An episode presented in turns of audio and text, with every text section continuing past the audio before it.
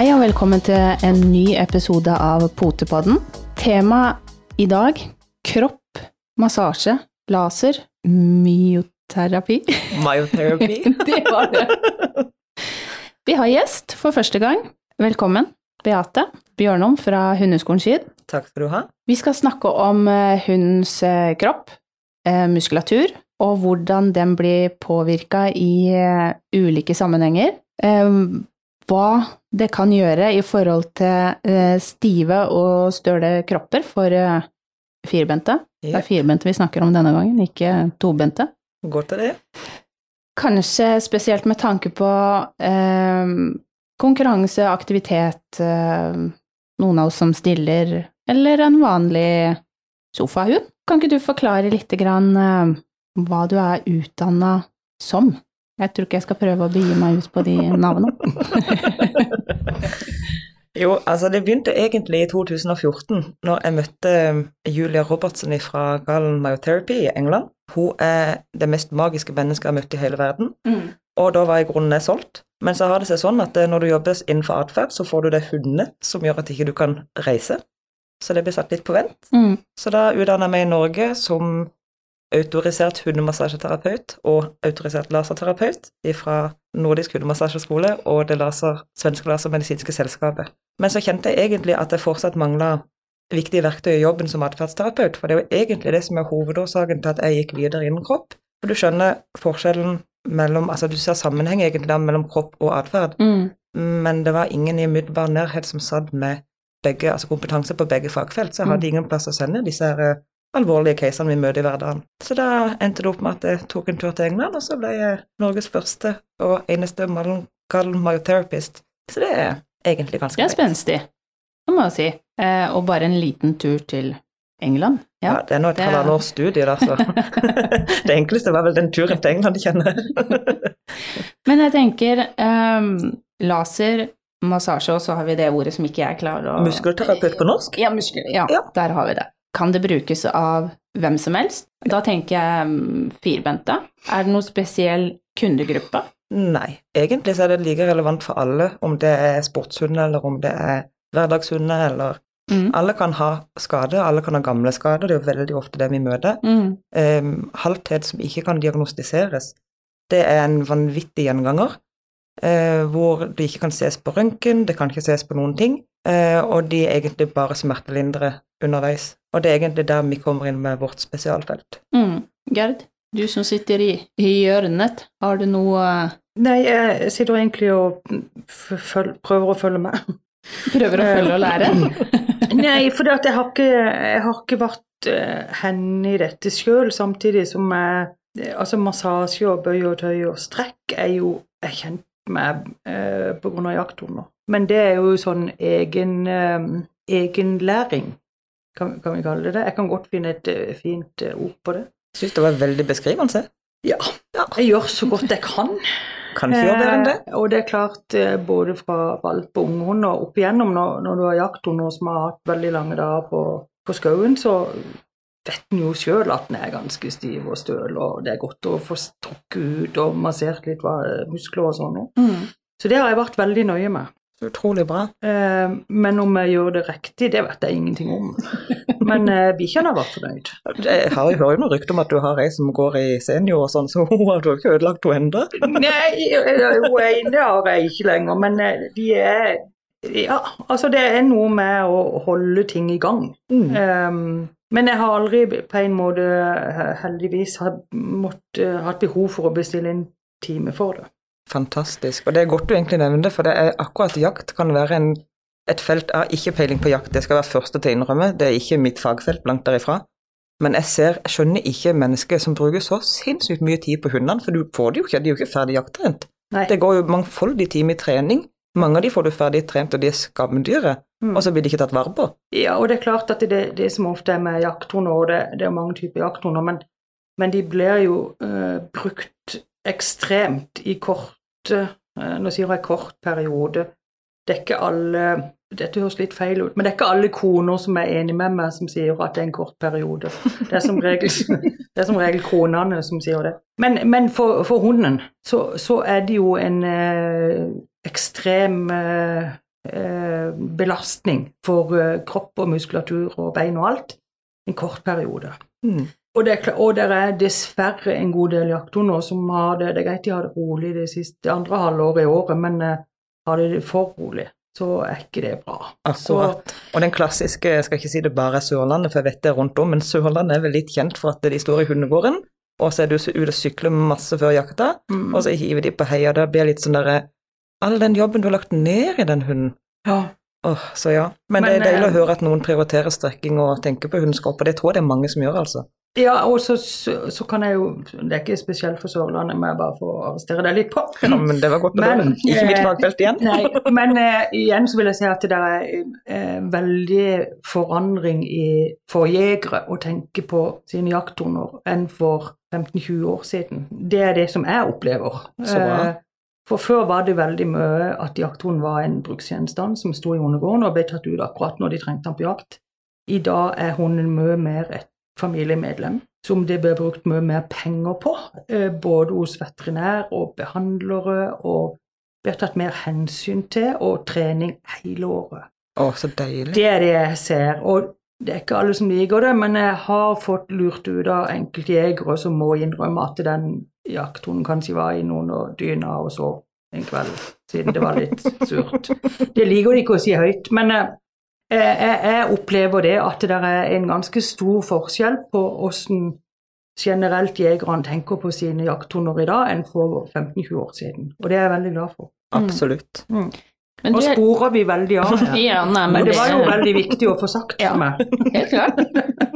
Men du, jeg lurer litt på de her tre behandlingene. Hører de på en måte sammen? Ja, de går litt hånd i hånd, egentlig. Um, På hvilken måte? Eh, massasjen er jo Jeg pleier å si det Folk spør meg ofte hvis du må velge en av delene, hva ville Mm. du hatt da? Mm. Og det første jeg hadde kvitta meg med, var laseren. Elsker den overalt på jord, men det er et vanvittig godt støtteverktøy. Så eh, massasjen det er jo hands on. Ingenting kan erstatte det å faktisk ta på, kjenne på, føle på og forandre ting i kroppen. Mm. Så eh, ja, de går hånd i hånd, for de bygger på hverandre, men de kan òg brukes absolutt individuelt. Mm. Det gjør de ganske ofte. De brukes på forskjellige områder. Massasjen løste jo gjerne opp spenninger og utfordringer i kroppen, mens laseren går veldig mye på type smertestilling, eh, for hurtigere helingstid. At eh, det går jo rett i cellene og booster cellene til å fikse seg sjøl. Så jeg har jo Det er mange som kommer og spør om de kan få laser på hund, for de har hørt at det er veldig, veldig bra.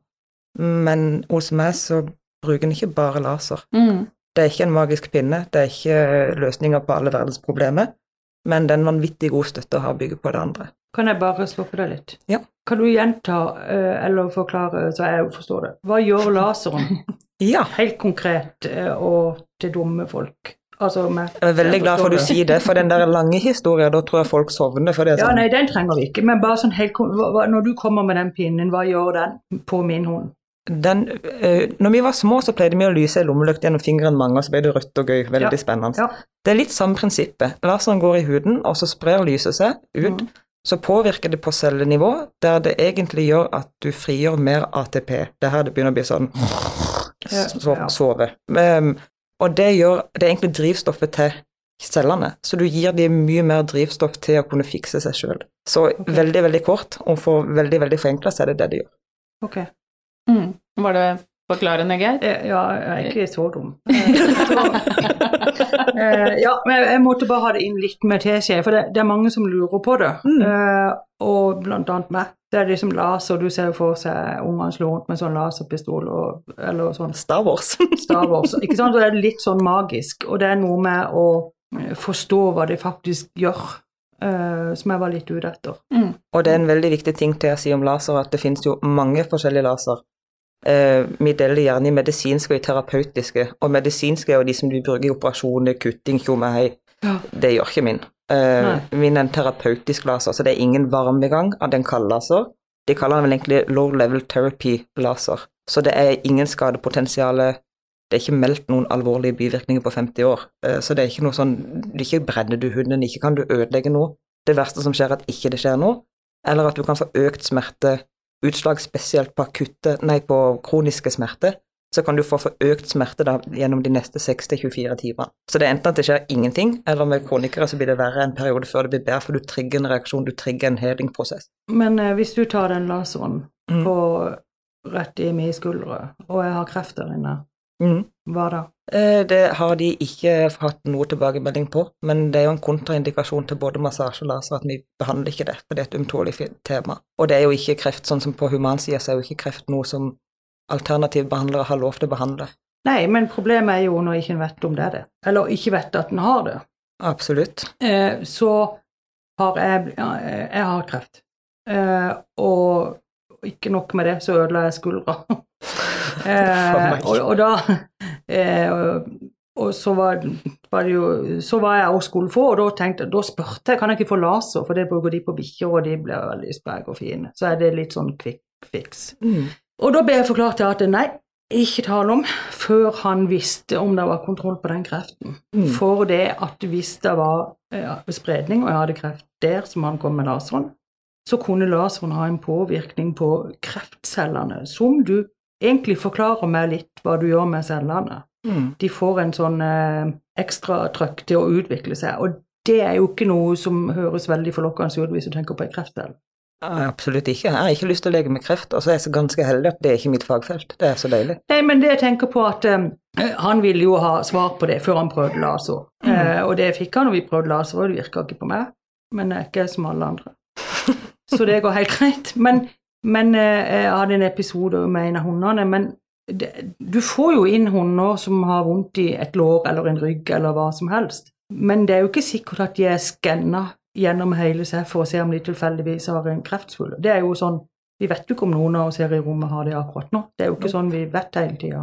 Hva hvis du da Er det noe du tenker igjennom, eller som du vil at de må utelukke i forkant av at du behandler det? Ja, hvis jeg mistenker, men da er jo gjerne kreften kommet så langt, og det er jo det som er skummelt med kreft. Eh, Men jeg har òg en vanvittig lav terskel for å sende til dyrlegen, og det er ikke så veldig populært for, for hvis det er noe Jeg er jo min egen sjef, takk Gud. Så hvis det er noe jeg ikke har lyst til å ta i, så kan jeg bare si eh, du må gå til dyrlegen. Og hvis ikke de vil det, så får de faktisk finne noen andre som vil gjøre det. Det var litt det jeg hadde litt lyst til å inn på, Beate, fordi at eh, jeg vet at du eh, Sånn i forhold til mine hunder som du har behandla, spurte eh, i forhold til smerte, sykdom, ville ha hunden sjekka. Da tenker jeg litt det som òg Geir spør om. Du er jo ute etter eh, å sende de til en veterinær eller sånne ting før du eventuelt hva skal jeg si, eh, begynner på en hund hvis du er skeptisk, hvis jeg har forstått deg riktig Mm.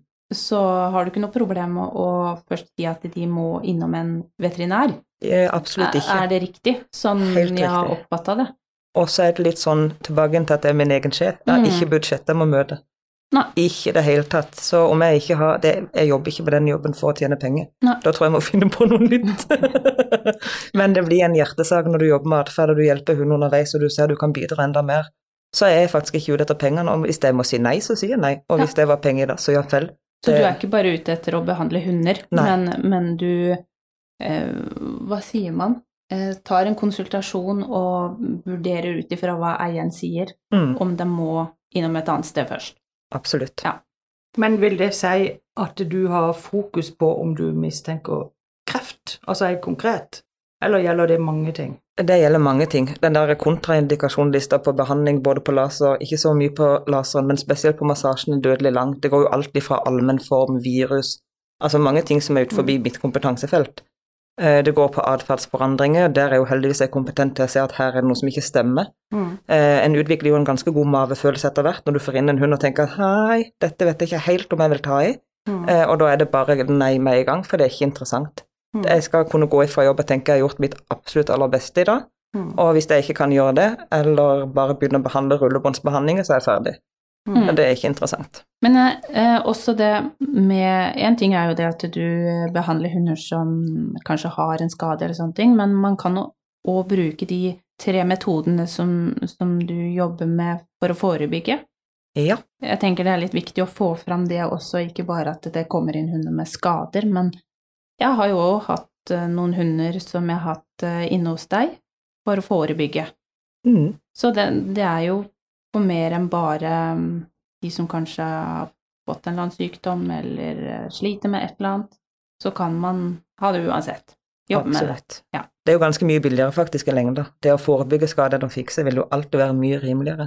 Ja, enn å ta den når det først har kommet. Ja, jeg ser den. Er det situasjoner hvor det ikke litt Det har vi jo snakka litt grann eh, om, da, Gerd, men eh, er det ganger du kjenner at nei, dette her, det eh, har jeg ikke lyst til å begi meg inn på? Ikke bare det med sykdom, men om det er skader som du føler at du ikke kan gjøre noe med? For jeg, jeg regner med at veldig mange kommer til deg og tenker at det, er magisk doktor, du kan jo fikse det meste. Men sånn er det jo faktisk ikke. Ble ikke født som Harry Potter, dessverre. Selv om du har tryllestav? Ja, selv om jeg har tryllestav. Fantastisk. Nei, det er rett og slett litt sånn at en den får noen eh, henvendelser. Det var en hund for en stund siden hvor eieren ringte og sa at han ikke kunne reise seg og gå, Mm. om jeg kunne behandle. Uh, tror du har ringt feil, du må ringe til veterinær. Mm. Ja, men det, det vil han ikke. Nei, men det er greit, men jeg vil ikke ta i hund, for det er ikke mitt fagfelt. Mm. Jeg har ikke røntgensyn, dessverre. Det har jeg heller ikke blitt medfødt. Skulle ønske jeg hadde, det vært praktisk. Eh, og det er litt sånn, hadde just en eh, rehabiliteringsforespørsel med en hund som var påkjørt, hvor den første dyrlegen ikke kunne svare meg på hva som faktisk var gått galt. Fikk fine røntgenbilder, men jeg jobber jo med bløtvev, det ser du ikke på røntgen, Mm. altså muskler og sene. Hvor jeg sendte forespørsel om ikke hm, kan du være så snill og så gå til en annen veterinær, som sendte videre til en tredje veterinær, som sendte videre til Oslo, og fant ut at det kanskje ikke var noe å bies ut på.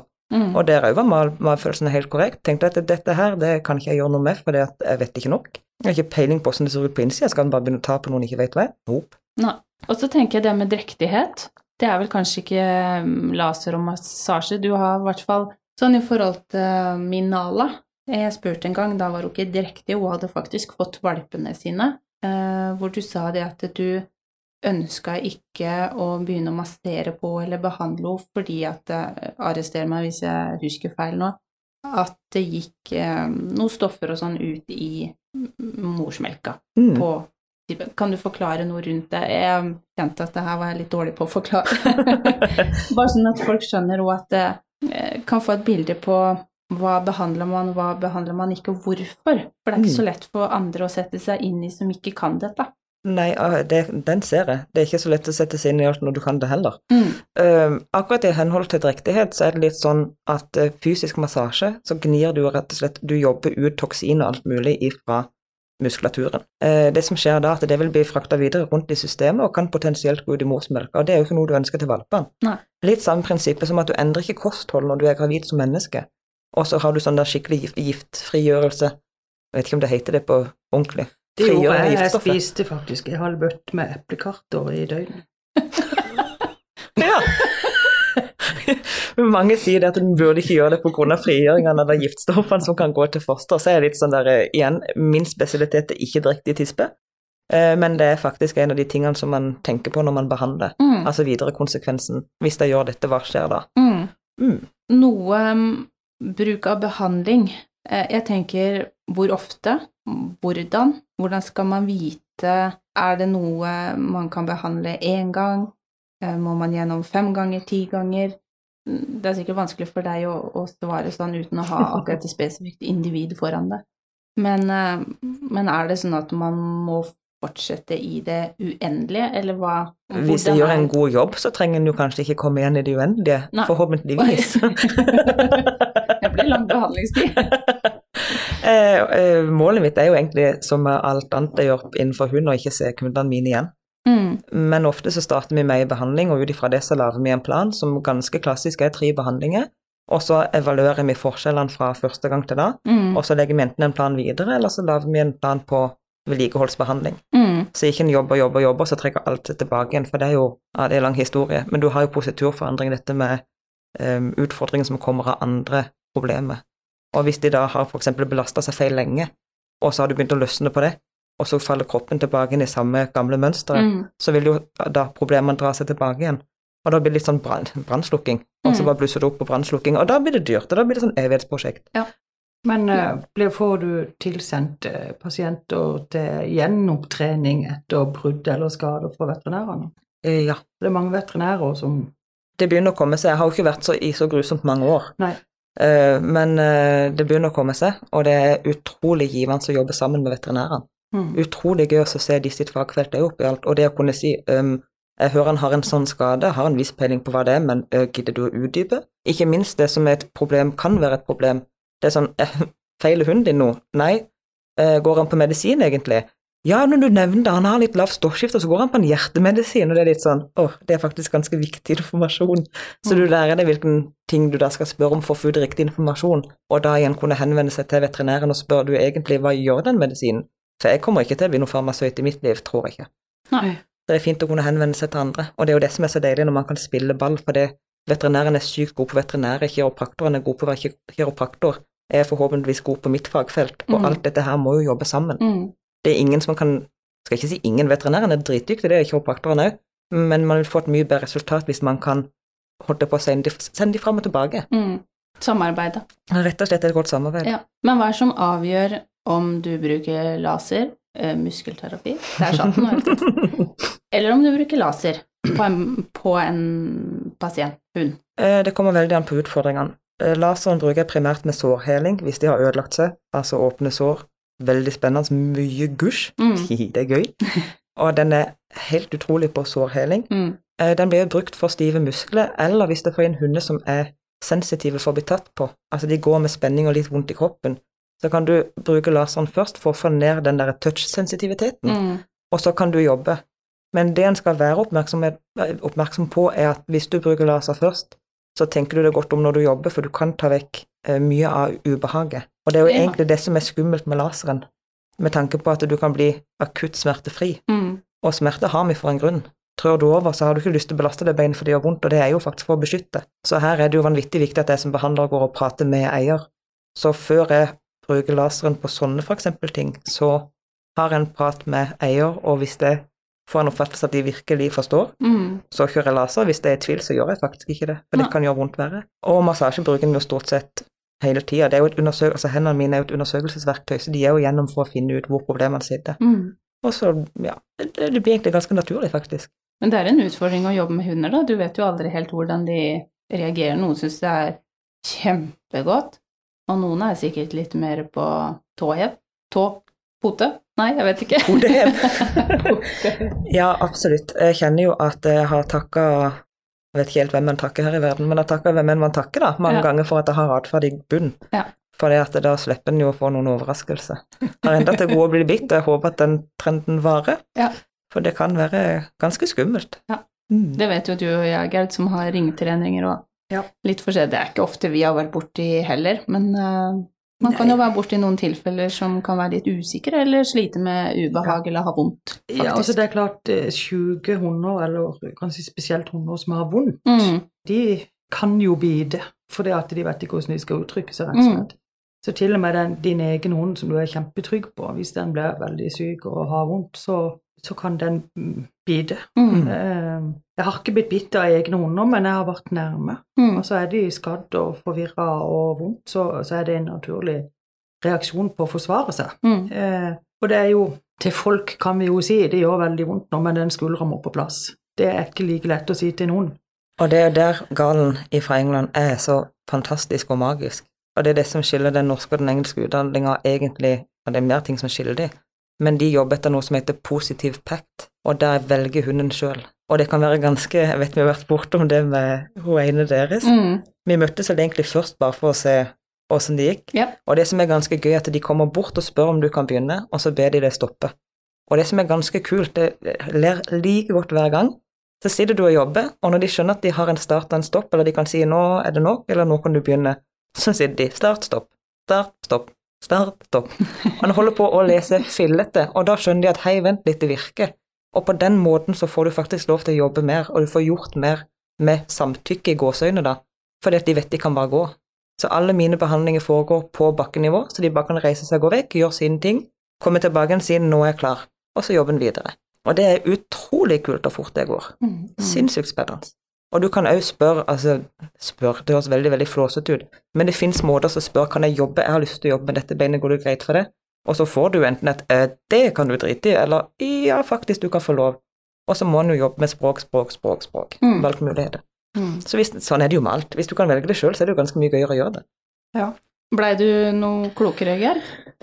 Ja, jeg prøvde å se for meg mine hunder som sa stopp, gjør det, stopp, gjør det, og så var jeg litt i tvil. om, um, om de har det samme språket. Du har de som kommer inn og sier 'gjør det, gjør det, gjør det', gjør det, gjør det. Ja, ja, de har jeg veldig. Eller um, omplasser meg. Eh, jeg har just passa en liten valp som prøver å bli omplassert til noen. Og går og leter etter en ny familie. Det er litt sånn 'pick me, pick me'. Det kan hun si. Ja, eh, jeg, jeg kjenner at jeg må se det før jeg helt ser det for meg. Mm. Ja, det har jeg full forståelse for. For det Har du behandla noen av dine? Ja, ja, det har jeg selvfølgelig det, men det er jo Med laser eller Nei, ikke med laser, men Nei. massasje. Jeg har jo òg hatt et beinbrudd på, på en av mine, Mm. med to operasjoner, og det var nokså alvorlig, som eh, i etterkant, altså etter alle de her ukene med gips og alt mulig, så må de jo gjenopptrenes. Mm. Og, og gjør du ikke det ordentlig, så, så har du kanskje en hund som blir halvt resten av livet, og dette var en ung hund. Og da, eh, da, da fikk jeg et eh, kurs på hvordan jeg skulle eh, være fysioterapeut for min egen hund, eh, av veterinær, Mm. som holder på med det. Eh, fordi at han kjenner meg, eh, og sa at dette greier du sjøl, Gerd. Og du er en eller annen grunn så sa han tålmodig nok. Det er jo ikke det som henger veldig sterkt hos meg. Men nå var det en hund, da. Eh, så det er klart jeg har brukt veldig mye tid på å gjenopptrene hunder med skade på min måte. Ikke Mm. sant? Og lykkes i dag greier du aldri å plukke ut av hvem av de det er. Mm. Så eh, ja, og jeg har og jeg har veldig tro på det. Og det der med å bøye og tøye og strekke eh, kan gjøre Bøye, tøye, strekke. jo, men det er jo, du må det med muskulaturen. Jeg har jo litt på sida nå, kanskje, men jeg har hatt en sau. Et, et lam som, som bare gikk på tre bein. For det var liksom ødelagt i, i leddet. Og etter hvert så ble det er jo ikke porter, det ble klaue. Bøyde seg liksom feil vei. Eh, og da tenkte jeg at dette ser jo ikke bra ut på en sau. Og det var et bakbein, og det er, jo, det er jo der hele la, lammelåret ligger. på et vis. Og det begynte å bli veldig lite i forhold til det andre. Det er da jeg tenkte nå blir det lite mat. Nei, jeg bare tuller. eh, men da tok jeg litt på alvor at det, det her stakkars lammet eh, må jo prøve å kunne bruke alle fire beina. Eh, og da var det massasje, lammemassasje to ganger om dagen. Og hun fikk to uh, smekre, fine lår. Og gikk på fire bein når høsten kom. Hun eide Marie Frikassé. Mista hun dem etterpå, eller? Spiste du dem? Hun, hun, hun lever ikke lenger. Nei. Men det er det som er mest fantastisk med, med lam. vet du. De, de, de blir født på våren og har en fantastisk eh, sommer. Og så blir det høsten, og så er det over. Ja. De slipper de sure vintrene. Sånn er det faktisk. Nei, det var eh, litt på sidespor, men, men eh, jeg lærte faktisk veldig mye av henne. For det at eh, når, når hun bare fikk lov til å unngå å bruke, så, så stramma jo scenene seg mer og mer og mer og mer. Så, så hele problemet ble jo bare verre og verre, Mm. selv om på en måte ting var begynt å gro og blitt bedre. Så når en da begynner å gå motsatt vei og ta litt og litt og litt, så går det seg faktisk til. Og det gjør det med, med oss og med hunder når du skal trene opp igjen kne og bein og hvis den har hatt gips en stund. ikke sant? Du, du må gjenopptrene muskulatur og sener, Mm. og da, må, og da gjør det litt vondt når du holder på. Men det blir bedre etter hvert. Mm. Så det har jeg vært litt hendig. På sau og, og på meg sjøl. og på hunder. Mm. Så det er klart at det, det er nyttig. Så egentlig burde jeg vel jeg kan si over snittet interessert i å, å bøye og tøye og strekke for at ting skal bli bedre igjen, Mm. når det har vært galt. Men når du først opplever og ser den forskjellen hva egentlig berøring som det egentlig er, Ja. kan gjøre, så blir en litt sånn wow. Og mange ganger så er det ikke, Rehabilitering er ikke lite, og det å kunne få i gang på et ledd, det er ikke lite, for det er en møysommelig prosess. Ja. Men av og til så er det så utrolig lite som skal til for å gjøre en sinnssykt stor forskjell. Mm. Ja, det, det er det. Uh, og så er det noe med å uh, kanskje tørre, og, og kanskje en burde lære litt i forkant. Det har jo ikke jeg gjort, da. Jeg har bare prøvd å håpe på det beste. Jeg, det, jeg har virkelig sett uh, underverker på at eh, langsommelig trening og massasje har virkelig noe for seg. Når det kommer til sånn type strekking og sånn, så er det jo egentlig ganske logisk. Mm. Det er ganske normalt at det beinet beveger seg sånn, så da gjør vi det. Det eneste en skal være obs på med strekking, det er at refleksmuskulaturen til hund er svakere enn det våre muskler er. Mm. Så hvis du strekker hest, for eksempel, og de syns det er litt kjipt, så klarer du ikke å holde igjen, men det kan med hund. Men det er jo det du forteller, at det går litt og litt, og det er forsiktig, og det, det går til en naturlig stopp. Så det er jo egentlig ganske naturlig. Og så er det jo snakk om å eh, strekke og stoppe når du kjenner at det stopper, og ikke tøye det enda lenger. Mm. For da kan det jo bli Da får du enda mer behandling. Ja, da, da, som- da begynner jeg kanskje å tjene penger. Nei da. Nei, det, det, er jo det, det er jo litt og litt, Ja. eh, men det er litt og litt i riktig retning. Nettopp. Og det pleier å være en fordel. Eh, Så vil det jo bli bedre etter hvert. Eh, og det å få en sau eller en hund til å, å bruke alle fire, da, da må det ikke gjøre vondt. Nei, jeg er helt enig. Eh, og da må de få muligheten til å kunne trø riktig på Mm. beinet sitt. Så ja, utrolig at jeg har plutselig snakka om Fått en sau? Ja, det, det var jo ganske utrolig, men eh, eh, selvfølgelig ikke planlagt, da. Nei. Noen ganger så kommer det Det var koselig sommer, da.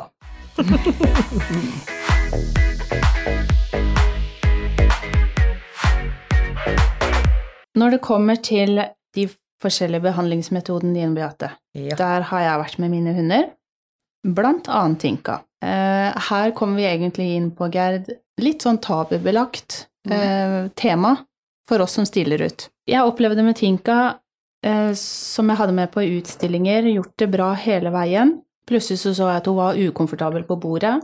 Begynte å vise tegn på at hun trivdes ikke. syntes ikke det var noe greit når dommere begynte å komme mot henne. Og det var ikke i forhold til tenner, det gikk helt fint. Ja. Men når man begynte å touche bak ørene. Og det bygde seg en liten frustrasjon hos meg, fordi at jeg klarte ikke helt å oppfatte eh, hva problemet var. Jeg så bare at dette er ikke greit. Og i forhold til jeg prøvde å forhøre meg litt om råd, og, og veldig mange sa til meg at uh, mengdetrening, tren, tren, tren, og at hun skal bli komfortabel med situasjonen. Det gjorde det bare verre, dessverre. Så ser jeg et innlegg på Facebook med Hundeskolen Syd hvor eh, det har vært en, eh, kan vi si pasient, klient, ja, Klient. som har vært inne til behandling, hvor det også blir forklart at eh, pasienten syntes det var litt eh, ekkelt, og at man måtte tilnærme seg på en fin måte. Der kom den lille nøkkelen for min del, for at jeg skulle klare å ta motet til meg og gå til en behandler. For det har jeg som sagt dårlig erfaring med. Fått beskjed om at jeg stiller ut mine hunder, så deg har jeg ikke lyst til å hjelpe. Så rart. Eh, Det er trist, eh, og jeg tenker det at eh, måten jeg ble tatt imot på når jeg ringte, så fikk jeg beskjed om at ok, ja, interessant, kom bort, og vi tar en konsultasjon, og så ser vi. Jeg inviterte deg faktisk på en kopp kaffe. Ja, det stemmer. Det er jo det, jeg- siden ikke hun drikker kaffe, da. Ja, men det er greit, for Frank drakk for to. Ja. Og der eh, blei vi møtt med åpne armer, forståelse, og det var det jeg trang.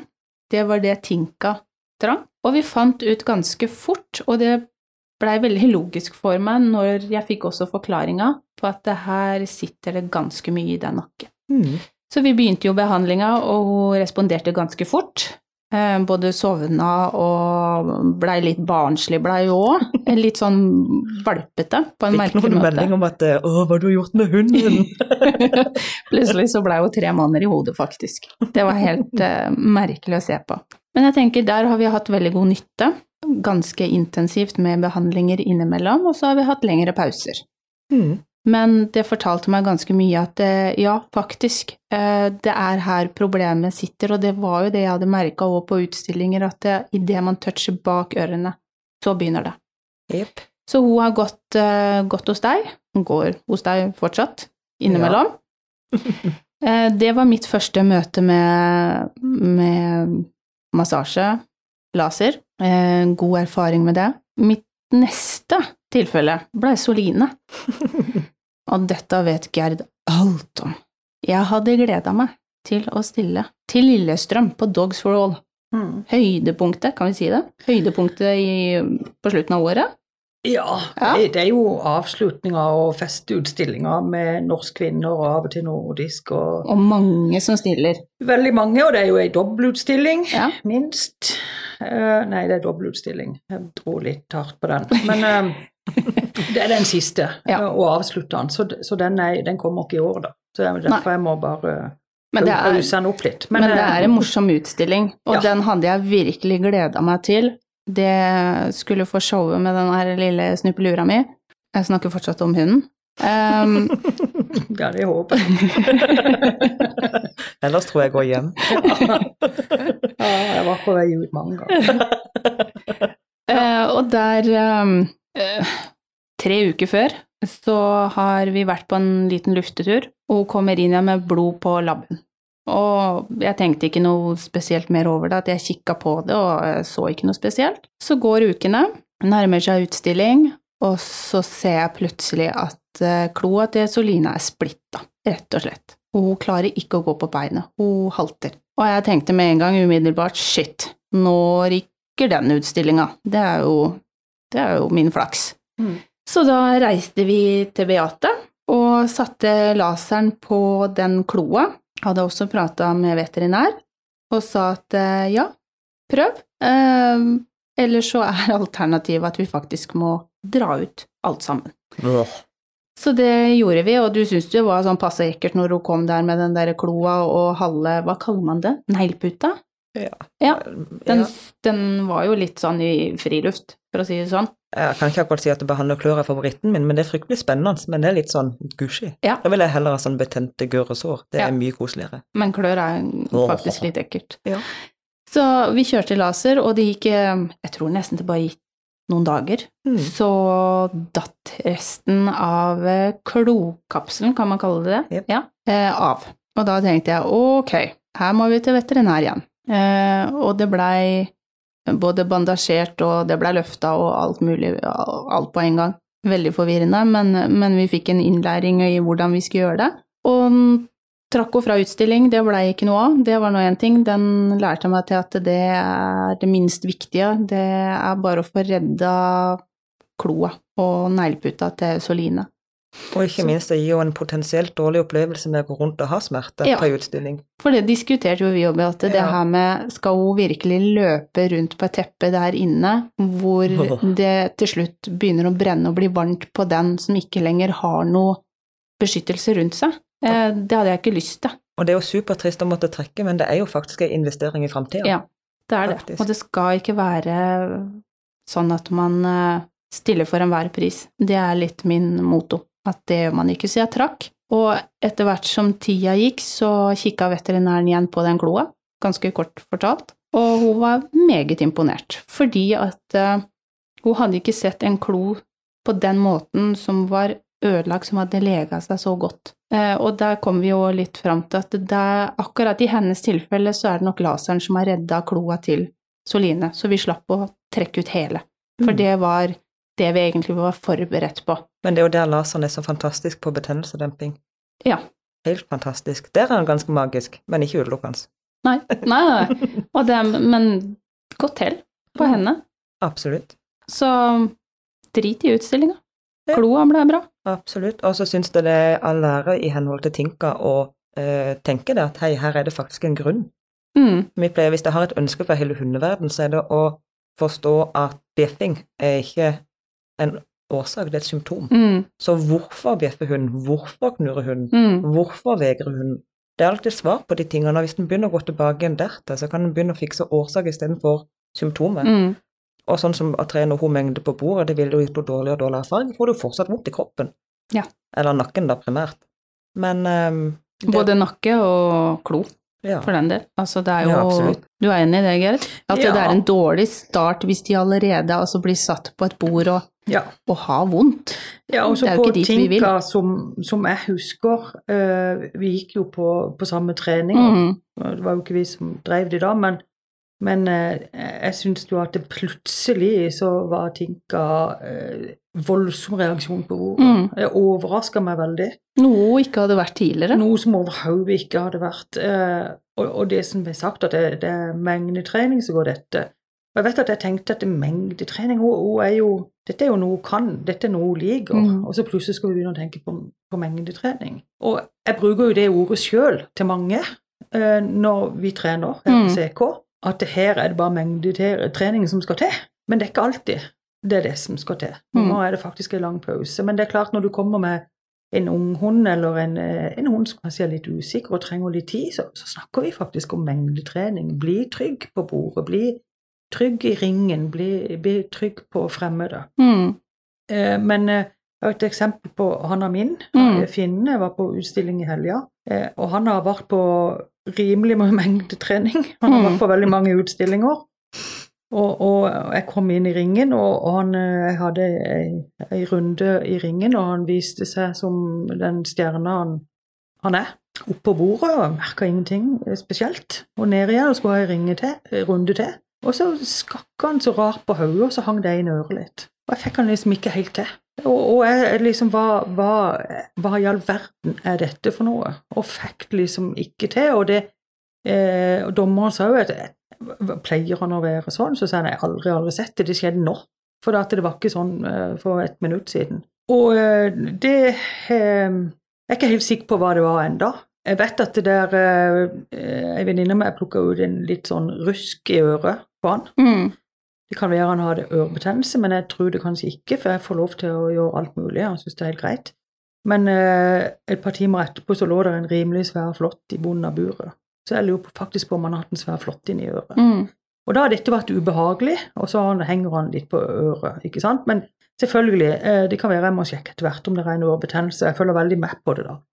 Men det er klart, i hans situasjon så vil det ikke hjelpe med mengdetrening. Da må du iallfall være flink til å få han til å få flått i øret. Ja, altså, ikke sant? Altså, det er ikke det det er, for er det noen som er trygg og stortrives i ringen og på bordet, så, så er han en av de. Mm. Men, men det er klart at hvis du har vondt i et øre, eller der sitter en flott jækel og kødder med trommehinna, da er Henke på topp. Ja. Og det, det, og det, det er veldig forståelig. Mm. Jeg syns han kunne ha sagt ifra, sånn som hundene til Beate sier. Nei, men ikke lenger. Han kunne ha sagt 'flott, hold deg vekk'. Men eh, det- det skal vi trene på til Tren på tegnspråk, kanskje? Ja. sånn der, Ja, jeg, har, jeg holder på med en ny trening med han, og du skal få han i en annen pod. ja, spennende. Eh, ja, det er garantert et um, kommandoord som ikke du har vært enig i. Og det gleder jeg meg til. Ja.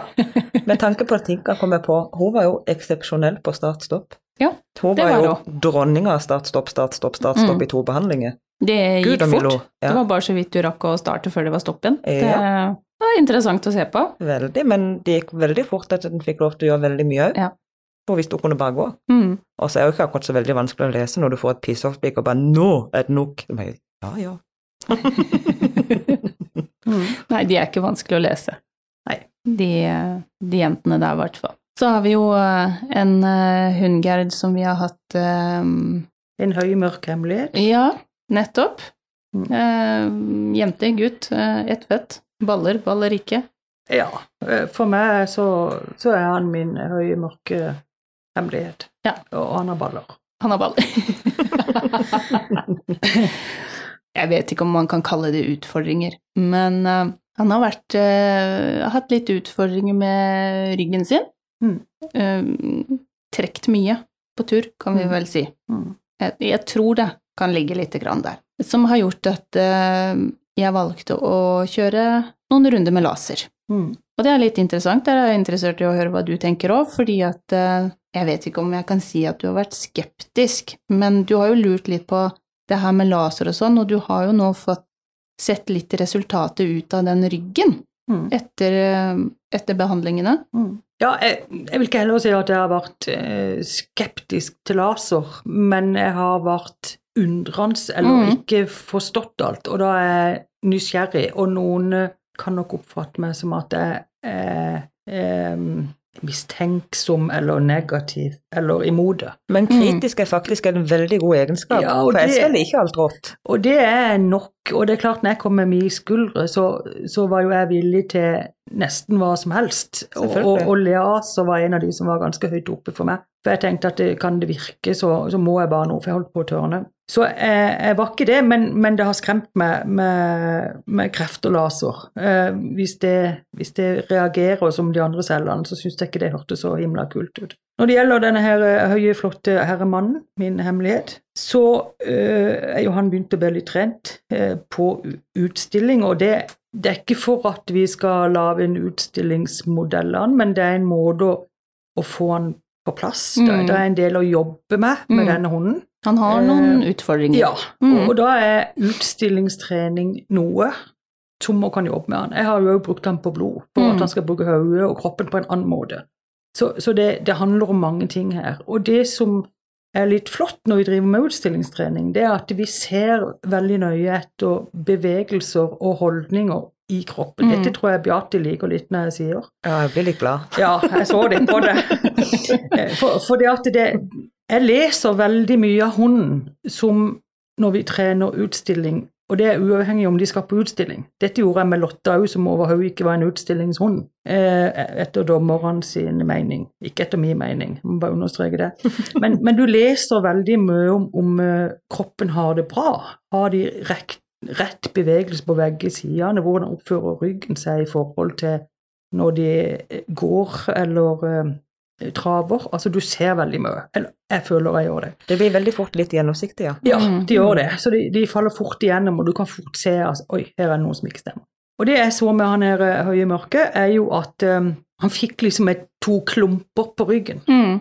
Og dette er jo en rase som på en måte skal være som er i skjærefjøl. Er han sånn høy og mørk som en kamel, eller? Nei, ikke så høy, men han er veldig pen. Ja, det er bra. Jeg tenkte på de to klumpene på ryggen. og han er min, så du kan bare holde, holde deg vekk. Jeg kan, eh, ja, kanskje. kanskje. Men iallfall, de to klumpene skulle ikke være der. Å ja, ikke kamel. Nei, det er ikke kamel.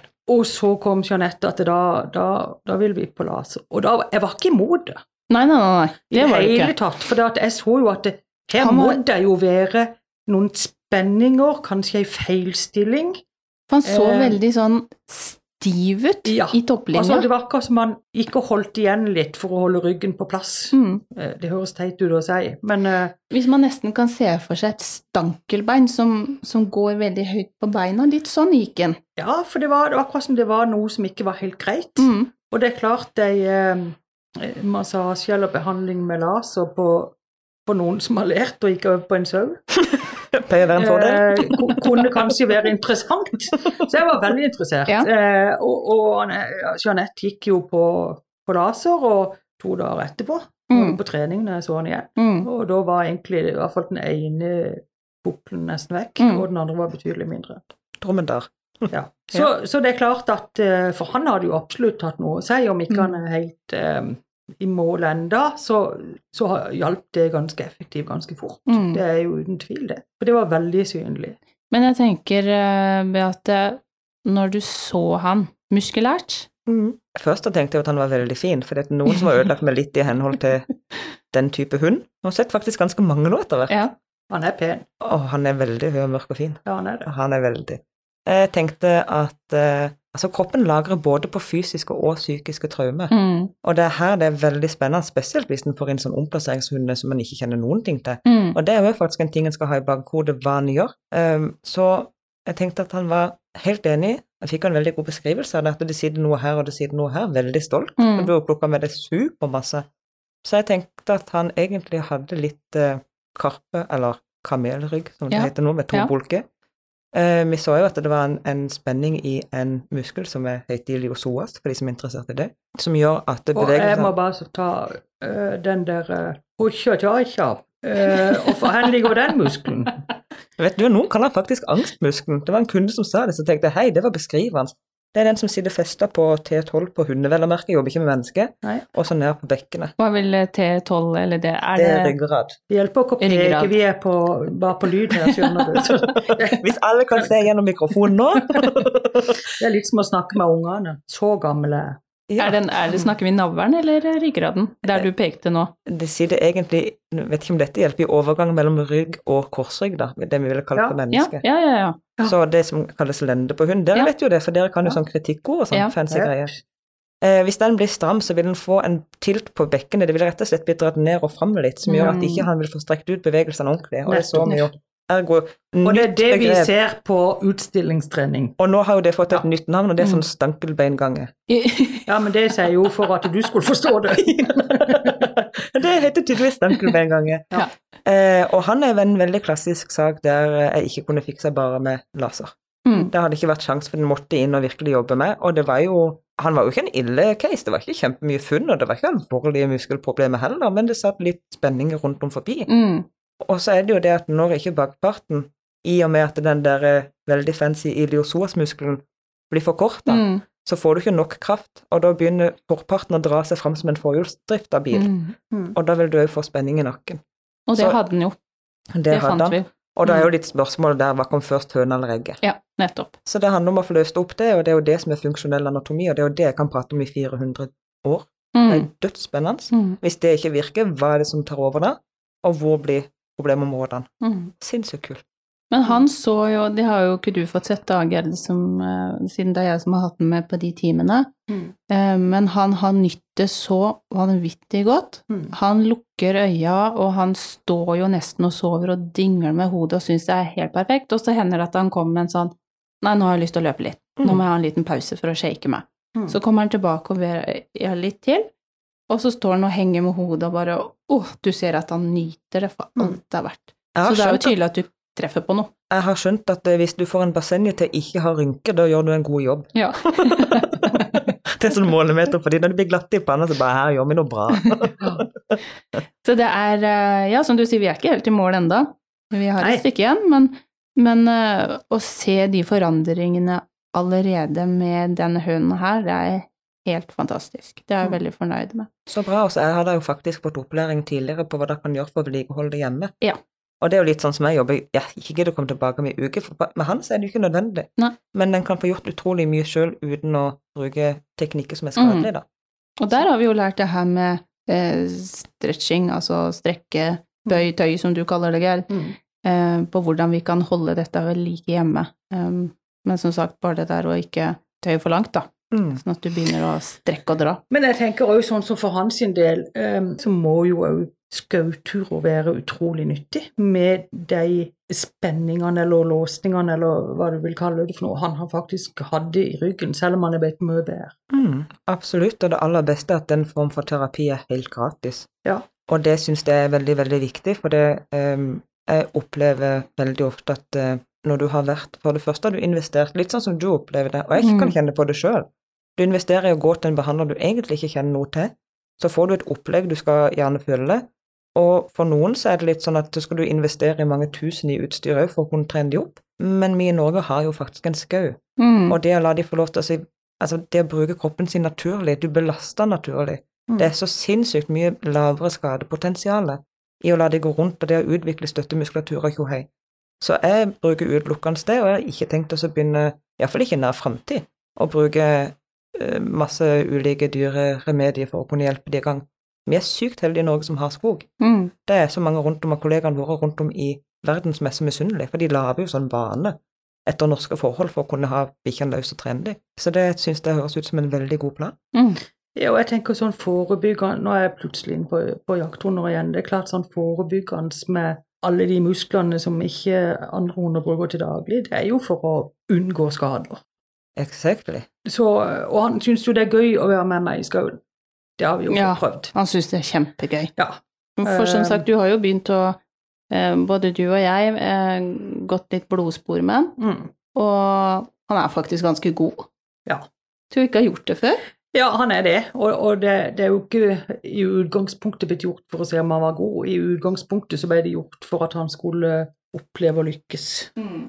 og få lov til å bruke nesa og Mentalt Men sett. At ja. han skulle få lov til å bruke den mentale delen av Men tenk hvor deilig å kunne få et opplegg. Noen sier til deg, vet du hva, i dag har vi en plan. I dag skal du lykkes. Mm. Og jeg får helt gåsehud. Men det var, det var sånn planen. Det, det var planen, og det var Det er jo ikke rart han er høy og mørk. Nei. Det var, veldig, det var helt fantastisk å se. Ja, det er nydelig. Jeg har lært mye nytt om uh, laser. mm. Uh, eh, jeg, har- jeg, jeg tror at uh, jeg, tror, jeg har ikke drevet med laser, men, men det, jeg, jeg fikk litt tro på at det jeg har tutla med og, og bøyd og tøyd og strekk, at, mm. at det faktisk har vært noe i det. Ja. Eh, og det er godt at det der finnes noen som eh, faktisk har lært noe om det og vet hvorfor de gjør ting òg. Mm.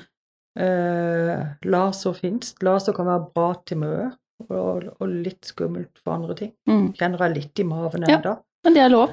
Absolutt. Eh, men eh, veldig interessant, og jeg er veldig glad for at du forklarte det på en måte som vi alle kan forstå hva som faktisk skjer.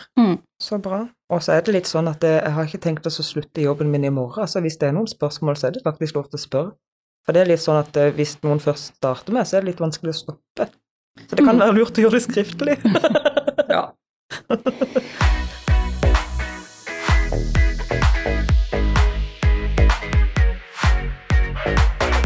Nå skal vi innom Gerd, et tema som vi er borti Ja. i forhold til utstilling. Eh, løpetid. Ja. Jeg vil bare høre med deg først, Beate. Tisper i løp. Hvordan påvirker løpetida kroppen, altså muskulaturen, til ei tispe som er i løp? Altså, jeg vet ikke om jeg kanskje tenker liksom menneskelig, altså hva, har de vondt i kroppen? Har de Hva kan man gjøre? De går jo sammen gjennom det samme som vi gjør. Altså det er jo krampetrekning, og vi vet jo, vi tobeinte i løpetid vet jo hva det kan føre til. Mm. Og det kan føre til muskelspenning, og det er ubehag, og eh, akkurat eh, hvordan det er å ha løpetid som tispe, det har jeg ikke prøvd, altså firbeintispe, Mm. så jeg kan ikke uttale meg sånn, men jeg tenker at en skal ta litt hensyn, og så se på de som de individene de er. Men kan massasje eller laser gjøre noe Eller muskelterapi?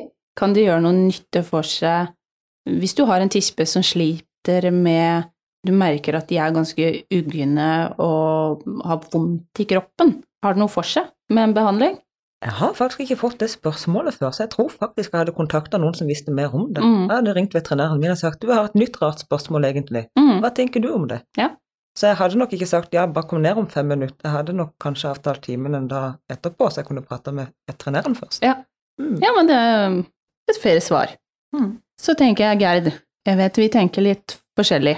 Mm. Og det er greit og interessant og alt på en måte, det. Men vi er enige om at eh, eh, hanner må lære seg til at det er løpetisper i nærheten. For det klarer vi ikke å unngå på en utstilling. Det er alltid en tispe som stilles, som er i løp.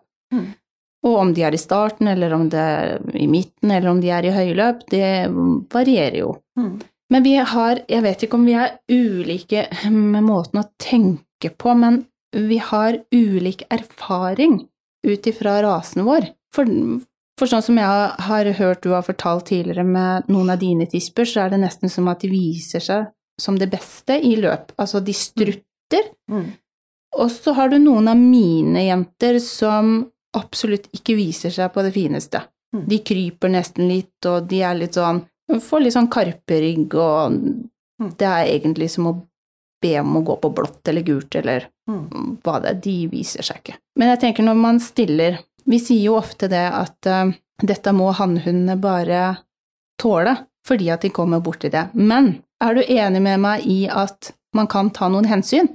Absolutt. Vi, sier, vi får jo dette spørsmålet når vi har ringtreninger. Mm. Uh, en gang i måneden holdt jeg på å si får jeg omtrent dette spørsmålet om når vi skal på ringtreninger, men hva gjør en når for mye har fått løpetid? Og da er jeg vet det er mange som gjør forskjellig når de driver med ringtrening, men jeg ser ja, da kommer du med de og gjør som ingenting, fordi hannene som er der, må, må øve seg på at det der er stadig ei tispe med løpetid.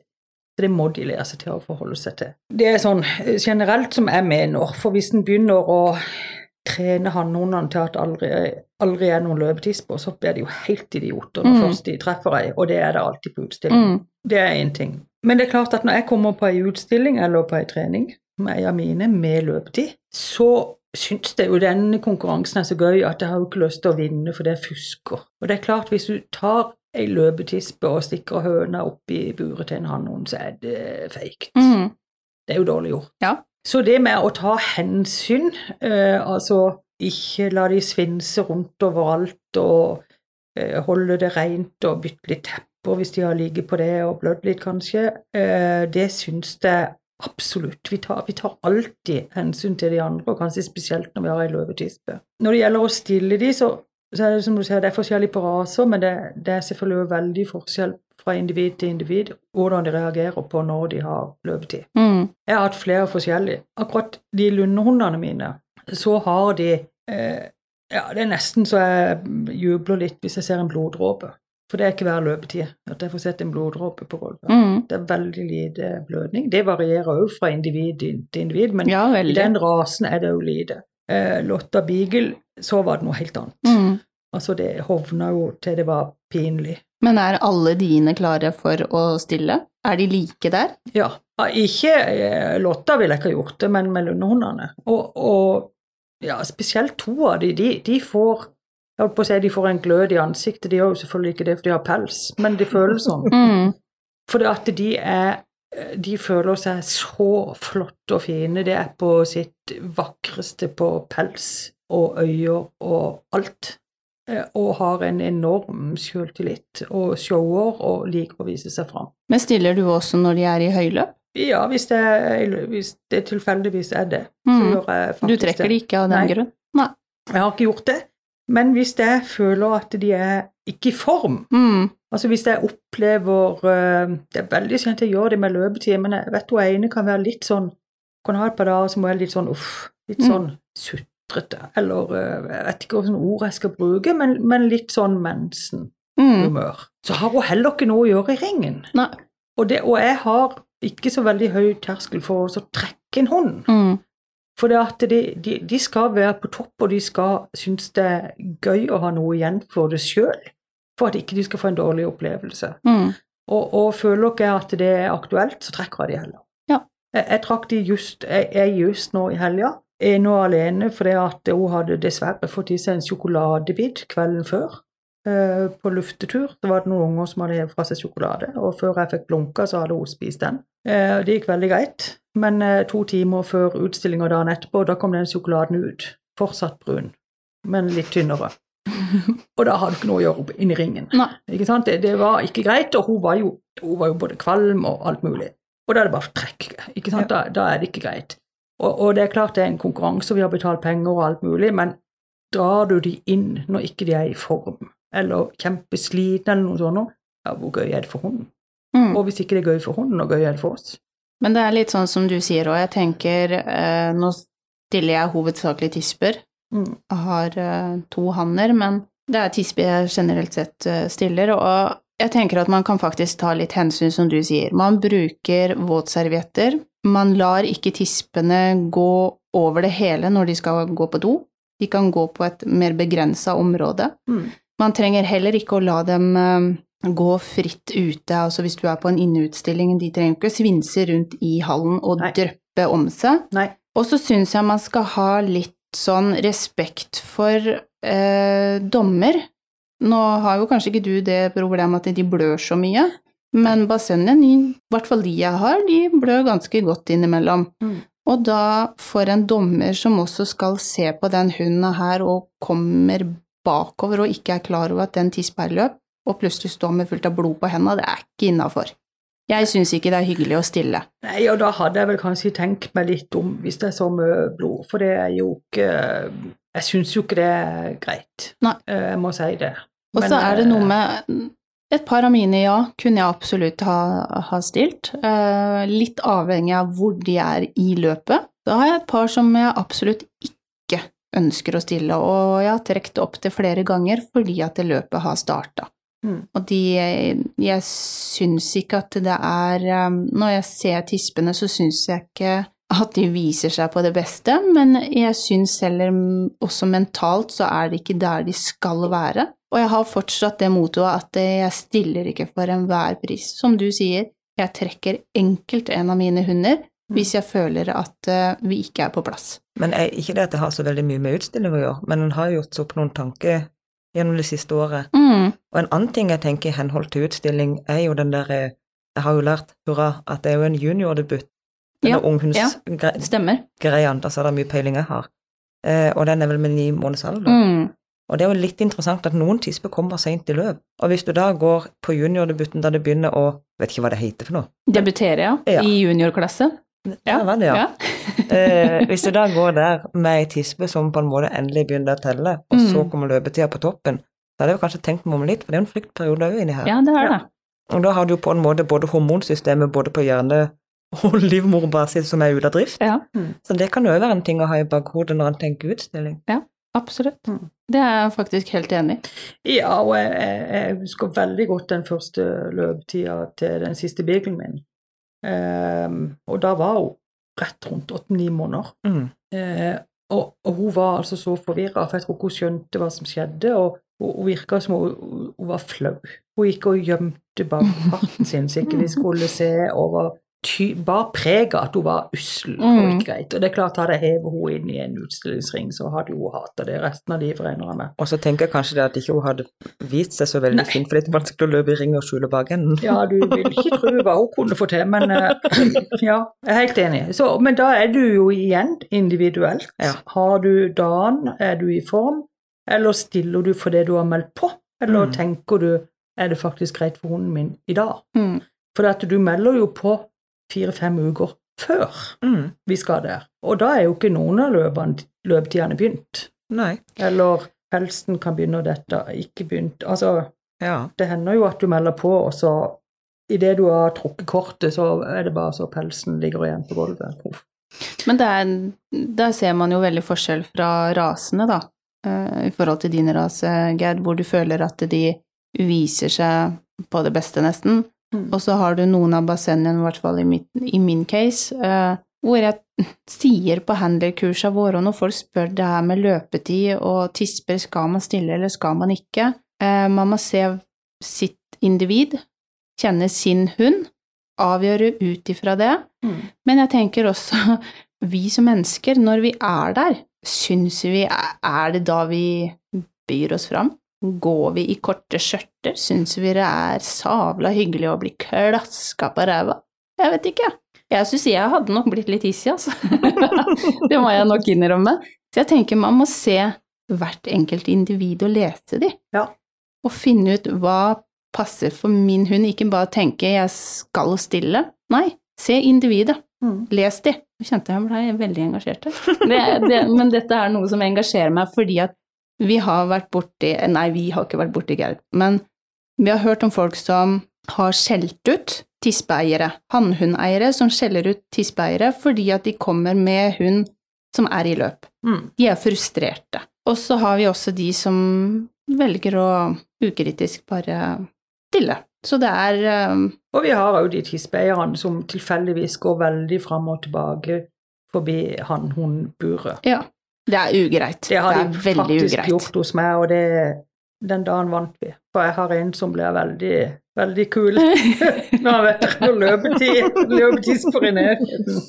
Men, men det, det er jo igjen eh, det er, en, det er en konkurranse. Vi skal ikke ødelegge, eh, og vi skal ikke fuske. Eh, ta hensyn til hverandre og se Men der har du jo også sikkert litt forskjell, for som din finnen, han blir jo litt høy på strå.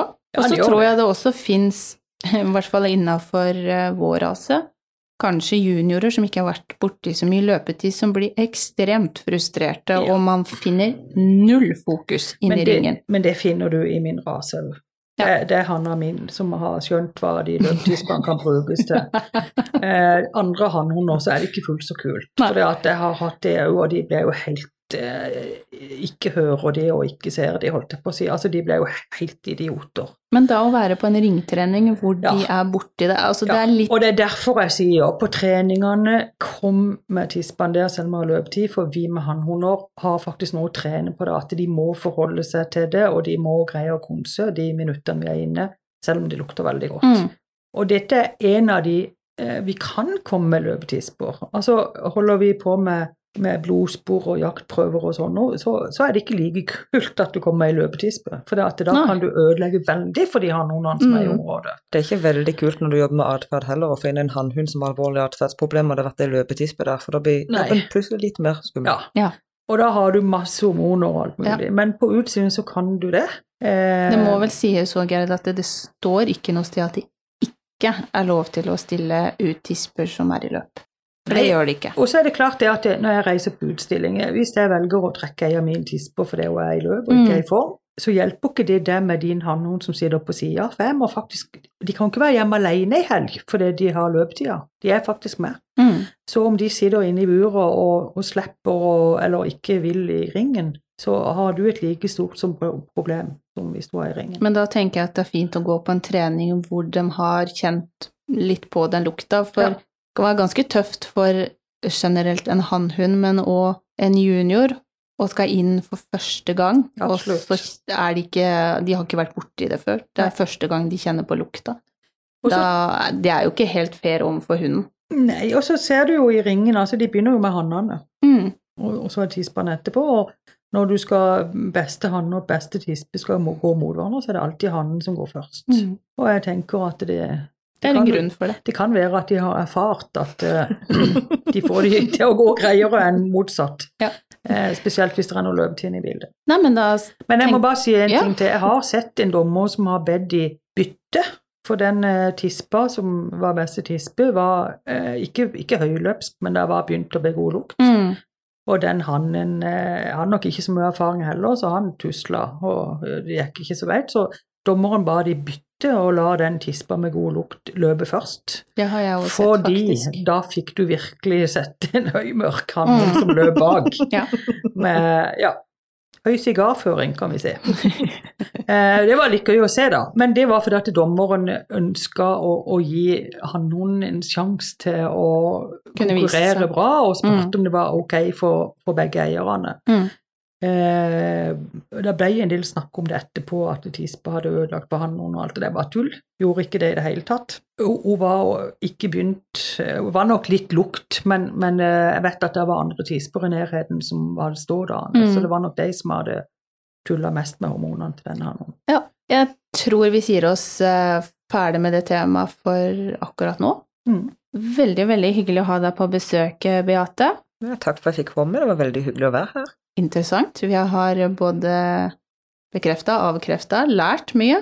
Mm. Hjertelig takk for besøket. Du er eh, velkommen igjen. Skal ikke se bort ifra det. Topp. Vi snakkes.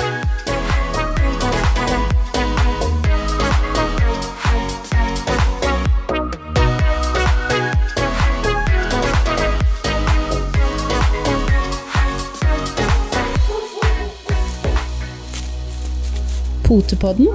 Firbent prat laget av ckakademiet.no.